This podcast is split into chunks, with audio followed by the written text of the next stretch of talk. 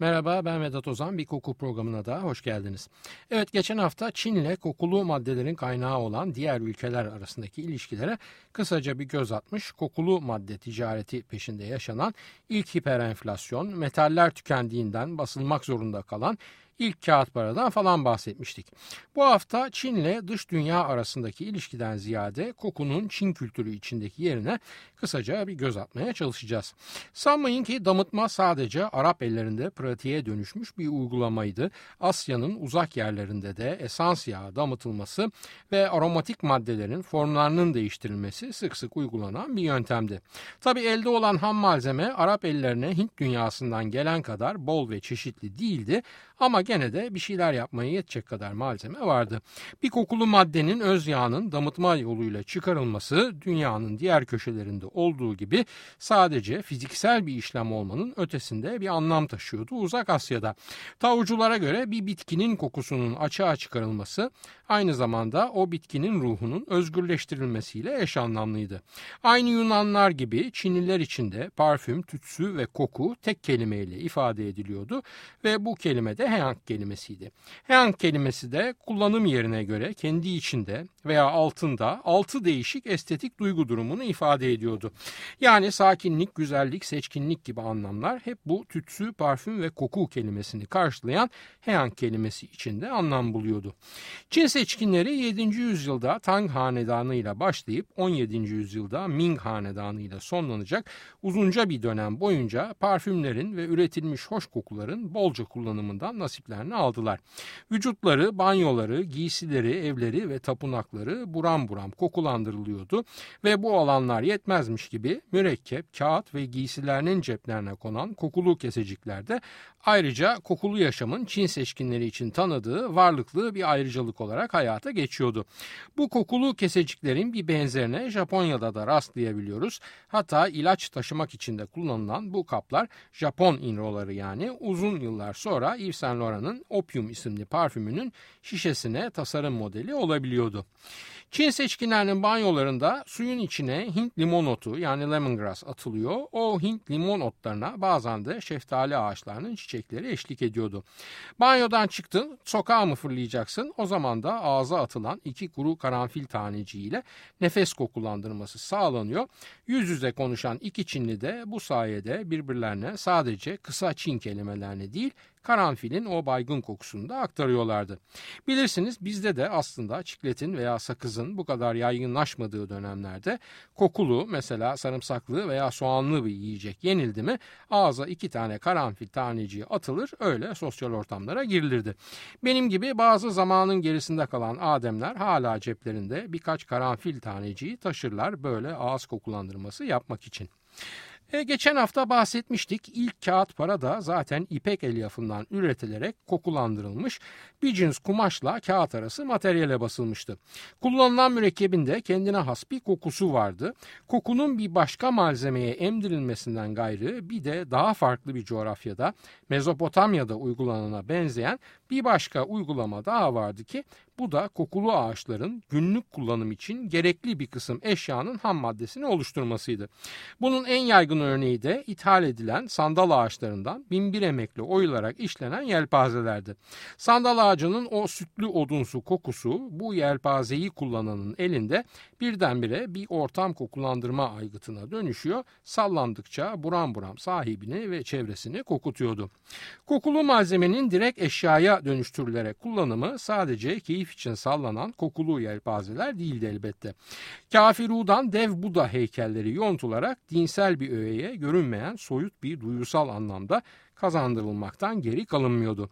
Kısa bir bilgi notu vereyim müsaadeniz olursa. Kafiru defne türünden bir ağaçtan elde edilen mumsu bir malzeme. Terebentine benzer bir kokusu var. Büyüklerimiz bu malzemeyi yazlık kışlık eşyalarının ve giysilerinin denklerle yer değiştirmesi sırasında güve ve diğer haşeratı uzak tutması özelliği sayesinde bolca kullanırlardı. Kafir kokusu neye benzer derseniz size şöyle bir ipucu vereyim. Kuru biberiye yapraklarının %20'si de kafirudan oluşur. Tabi doğal olarak elde edilen kafiru yanında terebentin yağından yapay yollarla da kafiru elde etmek mümkün. Sadece bizim büyükler gibi naftalin benzeri bir beklentiyle kumaşları güve yeniğinden uzak tutmak amaçlı kullanımının yanı sıra Asya'da da çok farklı kullanım alanları var ve bize sert gelen koku oralarda bir anlamda saygın bir kokudur da diyebiliriz. Dediğim gibi dinsel bir anlam içeren Heykellerinin kafirudan imal edilip doğal olarak kokmalarının sağlanmasının yanı sıra mesela Hint mutfağındaki yemek tarifleri içinde kendine yer bulabilen aynı zamanda ilaç olarak da muhtelif dertlere deva olduğu söylenen bir garip doğa harikası yani. Kafiruyu kenara koyup devam edelim. Bir Çin dans gösterisi izlerken veya başka bir toplu merasime tanıklık ederken o dönemlerde dansçıların ellerinden havaya atılıp izleyicilerin üzerine saçılan kokulu keseciklerde Çin günlük yaşamının o dönemki hoşluklarından. Hoşluğun ötesinde 16. yüzyılda basılan Pentsau'nun Materia Medicas'ında yaklaşık 2000 bitki ve ayrı bir bölüm olarak da 20 esans yağı yani öz yağın konu olduğu görülür. Nasıl konu olur bunlar? Şöyle mesela Yaseminle kokulandırılmış susam yağı genel bir canlandırıcı tonik olarak kullanılabilir. Gül suyu hazma iyi gelir ayrıca karaciğer ve kalbe yararlıdır. Papatya baş ağrısını geçirir, soğuk algınlığı ve baş dönmesini tedavi eder. Zencefil malaria yani sıtma ve öksürük için birebirdir falan gibi bitki ve esansların tıbbi tedavi özelliklerine değinilir bu kitapta. Bütün bu kokulu aromatik bitki ve çiçek yağları ilaç niyetine kullanıldığında sadece tedavi sağlamakla kalmıyor ayrıca bir süre sonra kullanıcının vücudundan dışarı doğru kendi kokularını da veriyorlardı. Bazen bu ilaç niyetine kullanılan bitkilerin kokusu o denli güçlü oluyordu ki kullananın dokunmasıyla dokunduğu yerde kokulu bir iz bıraktığına da rastlanabiliyordu. Abartıyorum gibi gelmesin ve hemen bu hoş kokuların tersini bir düşünün lütfen. Diyelim ki pastırma yediniz. Sadece ağzınız değil teriniz ve hatta idrarınız da birkaç gün boyunca çemenden kaynaklanan o kuvvetli baharat kokusunu taşımaz mı? Valla sırf bunun kokusuna pastırma yemeyen tanıdıklarım var benim. Bu da aynı o hesap ama tersinden. Yani gerek tıbbi kullanım, gerek dini kullanım, gerek kişisel keyif veya statü sembolü olarak kullanım derken dört hanedan döneminde kokulu maddelerin Çinlinin yaşamı içindeki yeri için sinolog ve tarihçi Edgar Schaefer tarafından kaleme alınmış şöyle bir tanım durumu sanırım doyurucu bir şekilde özetliyor. İlaçlar, baharat, parfüm ve tütsüler arasında çok belirsiz bir sınır var. Yani bedeni veya ruhu besleyecek maddeler arasındaki kesin olmayan ayrım çizgisine benzer bir durum bu. Yüksek sınıftan bir kadın veya erkek tütsü dumanları ve parfümden oluşmuş bir sis içinde dolaşır. Vücut parfümlüdür, banyonun suyu parfümlüdür, giysilere parfümlü kesecikler asılır. Ev, iş yeri veya tapınakta da binlerce tatlı kokulu öz yağ ve balzamın kokusu birbirine karışır. Bu tanım dört hanedan döneminde Çin yaşamındaki kokunun yerini özetlerken bunun biraz fazla genel bir tanım olduğu yolunda fikirlerde yok değil elbette. Doğu Asya'da parfüm kullanımı üzerine pek çok araştırma ve eserin sahibi olan Japon profesör Kentaro Yamada'ya göre bu ifade durumu çok kabaca özetliyor. Yamada'ya göre her ne kadar koku Çin ve Japonların yaşamında geniş bir yer bulsa da onlar aslında kendi vücutlarını kokulandırmaktan çok içinde bulundukları ortamı kokulandırmayı tercih ediyorlar. Bu savını desteklemek için öne sürdüğü argümanlarda gayet akılcı görünüyor Kentaro Yamada'nın. Öncelikle vücudu kokulandırmanın önemli olduğu batı kültürleriyle uzak doğuyu ayıran bariz bir fizyolojik farklılık var. Bu fark aynı zamanda bu konuda yapılmış bilimsel araştırmalarca da desteklenen bir sonuca götürüyor bizi. Biliyorsunuz vücut kokumuzu veren aslında ter kokumuzun da sebebi olan apokrin bezelerimiz. Apokrin bezeleri Çinlilerde çok az, Japonlarda eser miktarda var, Korelilerde ise hemen hemen hiç yok. Halbuki Avrupalı beyaz adama geldiğimizde apokrin bezelerinin varlığı o kadar belirgin ki en yoğun bulundukları koltuk altı bölgesinde neredeyse bir tümsek oluşturuyorlar. Bu bezeler bir anlamda direkt kıl köklerini besliyorlar. Asyalıların vücutları da Avrupalı ile mukayese edildiğinde çok daha az tüye ve kıla sahip. Bundan ayrı olarak Avrupa'da yıkanmanın tabu olarak algılandığı dönemlerde günlük yıkanma alışkanlığı Asya'da olağan. Bütün bunları üst üste koyduğunuzda vücutta oluşan kokudan kurtulma isteğinin ve bu isteğin mevcut vücut kokusu üzerine parfüm uygulayarak karşılanması pratiğinin koku üreten apokrin bezeleri çok az miktarda mevcut olan tüysüz ve sık yıkanan Asyalılarda bir parametre olmamasını doğal karşılamak gerekiyor. Yani Avrupalılarda kokuyu vücuda uygulayarak alttaki istenmeyeni maskeleme arzusu böyle bir olgudan habersiz Asyalılara göre çok daha baskın. Hal böyle olunca Asyalıların kokulandırma tercihleri de kendilerini değil içinde bulundukları ortamları kokulandırmaktan yana oluyor haliyle. Ortamın kokulandırması deyince de ister istemez tütsülere çıkıyor bu yolun sonu. Yani daha önce dediğim gibi elbette farklı uygulamalara mesela kokulu maddelerin dolaysız olarak heykel veya günlük eşyalara evrilmesi gibi uygulamalar da var. Ancak en yoğun ve kesin ifadenin tütsülerde oluştuğu da bir gerçek. İşin ilginci ritüelik bir kullanımda tütsü başlangıçta Çin kaynaklı bir kokulandırma uygulaması değil. İpek ve baharat yoluyla daha sonra yerel kültürün içine asimile olan Budizm'den kaynaklanıyor. Yani kısaca ortaya çıkış ve yaygınlaşma sebebi tamamen dinsel inanışlar. Soyut bir varlığa gene soyut bir araç aracılığıyla ulaşma çabası yani. Tüm kültürlerin dinsel inanışlarında ortak motivasyonda diyebiliriz bu soyutlama çabasına. Normal bir Çinli vatandaş için o zaman ve halen tapınmanın en basit şekli elinde üç tütsü çubuğuyla tapınağa gitmek, onları yakmak, elinde tutarak üç kez üflemek ve daha sonra bu tütsüleri Buda veya bodhisattvaslarından birinin önündeki tütsülüğe yerleştirerek öne doğru saygıyla eğilmek ve avuçlarını birleştirmek. Tabi burada şekilsel olarak bir Budist tapınmayı anlatıyorum. Onun ruhani ifadesini anlatmak beni ve bizim programın konusunu aşan bir durum olur. Tavucularda da durum farklı değil. Şang Hanedanı döneminde yaygın kullanımı başlıyor tütsünün tavucularda. Hatta öyle seviyorlar ki onlar bu tütsü yakma işini tavucularda tütsü kullanımı Budistlerin tütsü kullanımını geçer deniliyor. Kısa bir açıklama Tao veya doğrusuyla Dao kelimesi yol yani tarikat anlamına geliyor. Tao tapınaklarında tütsülerin varlığı herhangi bir diğer görsel imgenin önüne geçiyor bu nedenle. Falu denilen ve tütsünün tütsülükte yakılmasıyla başlayan ayinler Fulu denilen ve gene tütsülükte sonlanan bir seri dua ile sonlanıyor. Taoizm transformasyon süreciyle çok fazla ilgili bir din felsefesi. Mevsimlerin değişimi bile bizim üzerine kafa yormadığımız ancak onlar için değişim adına pek çok merakı barındıran oluşumlar. Tao alkemisi yani simyası insanın ölümlü olmaktan ölümsüz olmaya evrilmesini de ilginç buluyor ve bu durumu da ateşin bir tütsüyü yakarak maddeyi kokuya dönüştürmesiyle benzeştiriyor. Tütsü vesaire konulara devam etmeden önce müsaadeniz olursa bir kahve molası verelim. Sonrasında da bu tip konulara bir göz atalım. Cowboy Bebop anime dizisinin müziklerine bir uğrayalım bugün kahvemizi içerken ve Seatbelts'ten dinleyelim Tank.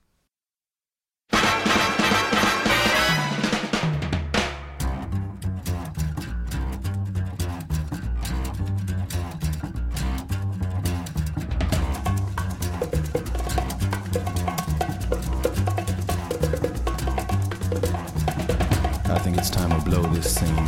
Get everybody in the stuff together. Okay, three, two, one, let's jam.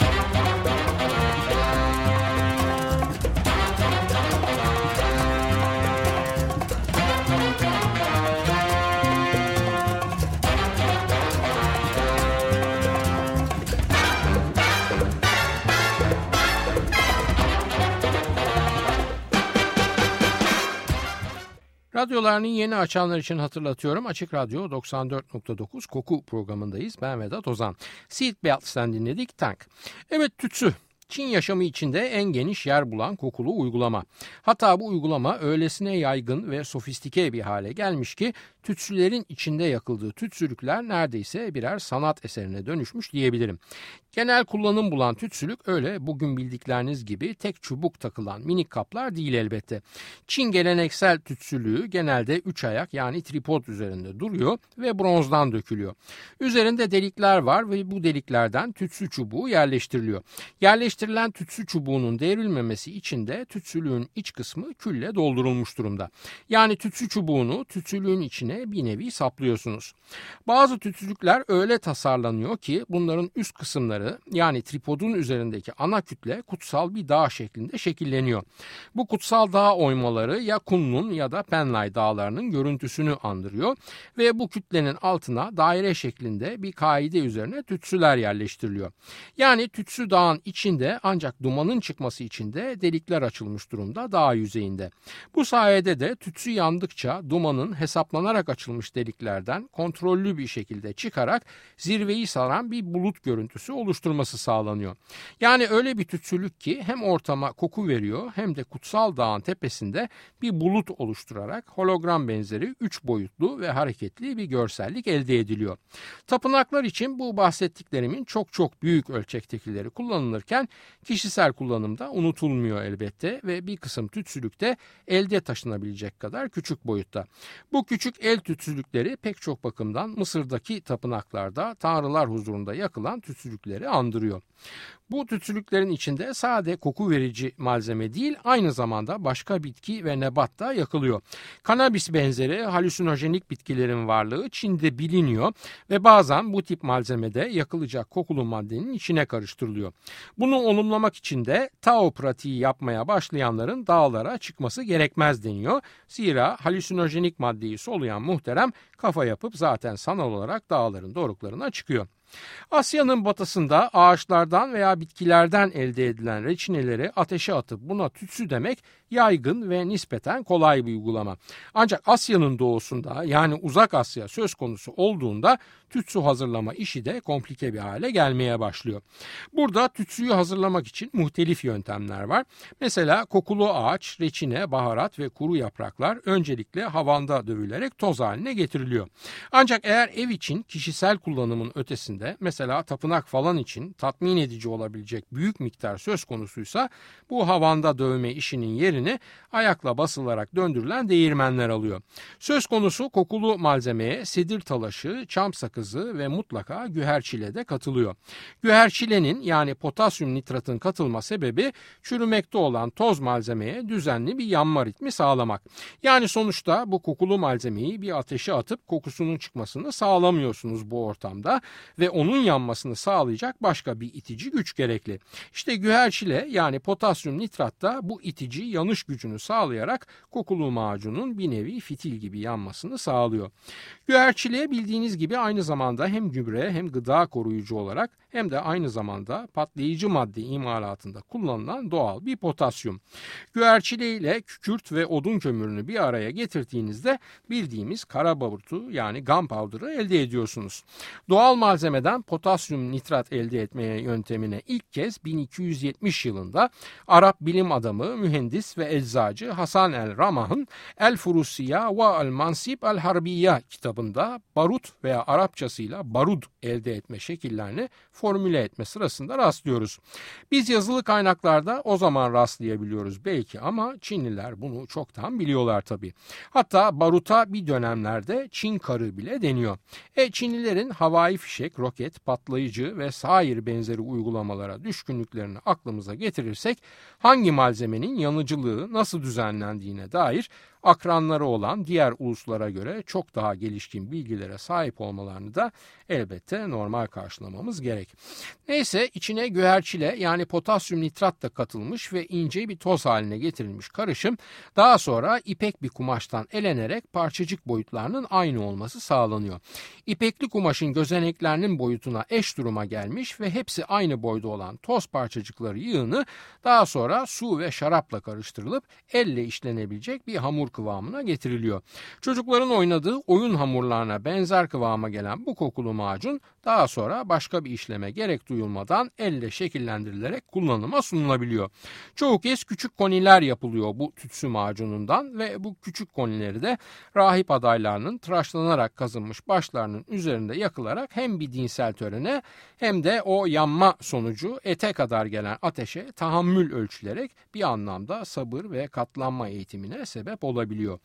Bu macun olduğu gibi elle şekillendirmenin yanı sıra daha farklı yöntemlerle de kullanılacak hale getirilebiliyor. Mesela bir ucunda delik olan bir kabın içine basınçla sıkılarak ucundaki delikten aynı spagetti makarna gibi uzun şeritler elde edilebiliyor. Bu noodle benzeri şeritler de ya olduğu gibi çubuk halinde bırakılıyor ya da henüz şekil verilebilecek kadar nemliyken kendi etrafında döndürülerek spiral tütsüler üretiliyor. Düz çubuklar veya daha genel adıyla joystickler bugün ilk bölümde bahsettiğim gibi Buda heykelinin önünde yakılarak dini amaçla kullanılıyor. Spirallerse ev veya tapınağın muhtelif yerlerine asılarak rüzgar estikçe dönmeleri böylece hem kokunun dağılması hem de görsel bir hoşluk yaratılması sağlanıyor. Tabi şekil verilebilecek yumuşaklıkta hamur elde olunca sadece spiral üretilmiyor ve Çin kaligrafisinden de anlamlı harfler tütsülere form olabiliyor. Bu kaligrafik karakterler içinde en çok üretilenleri ise uzun yaşam anlamına gelen show veya mutluluk anlamına gelen fu oluyor. Bu karakterleri düzlenmiş külün üzerine bırakıp yakabiliyorsunuz ve tütsü yandıktan sonra o kül üzerinde de şablon gibi bu harf ve temsil ettiği anlam kalarak izleyenlerin gönlünü hoş ediyor. Durum daha bitmedi. Daha sonra Japonlara da geçen bir farklı kullanımı daha var tütsülerin. Şimdi dedik ya tütsüyü oluşturan toz ipekten elenerek parçacıklarının tek tip ve tek boy olmasına dikkat ediliyor diye. Buna bir de yanış ayarını veren potasyum nitratın kontrollü ilavesini ekleyin. Sonuçta elinizde son derece düzgün ve eğer bir dış etkiye maruz kalmazsa hep aynı sürede yanabilecek bir tütsü çubuğunuz oluyor. E madem elinizdeki bu madde hep aynı sürede yanabiliyor o zaman neden bunu zamanı öğrenmek veya işaretlemek için kullanmayasınız? Evet tütsü yakılarak oluşturulan saatlerden bahsediyorum.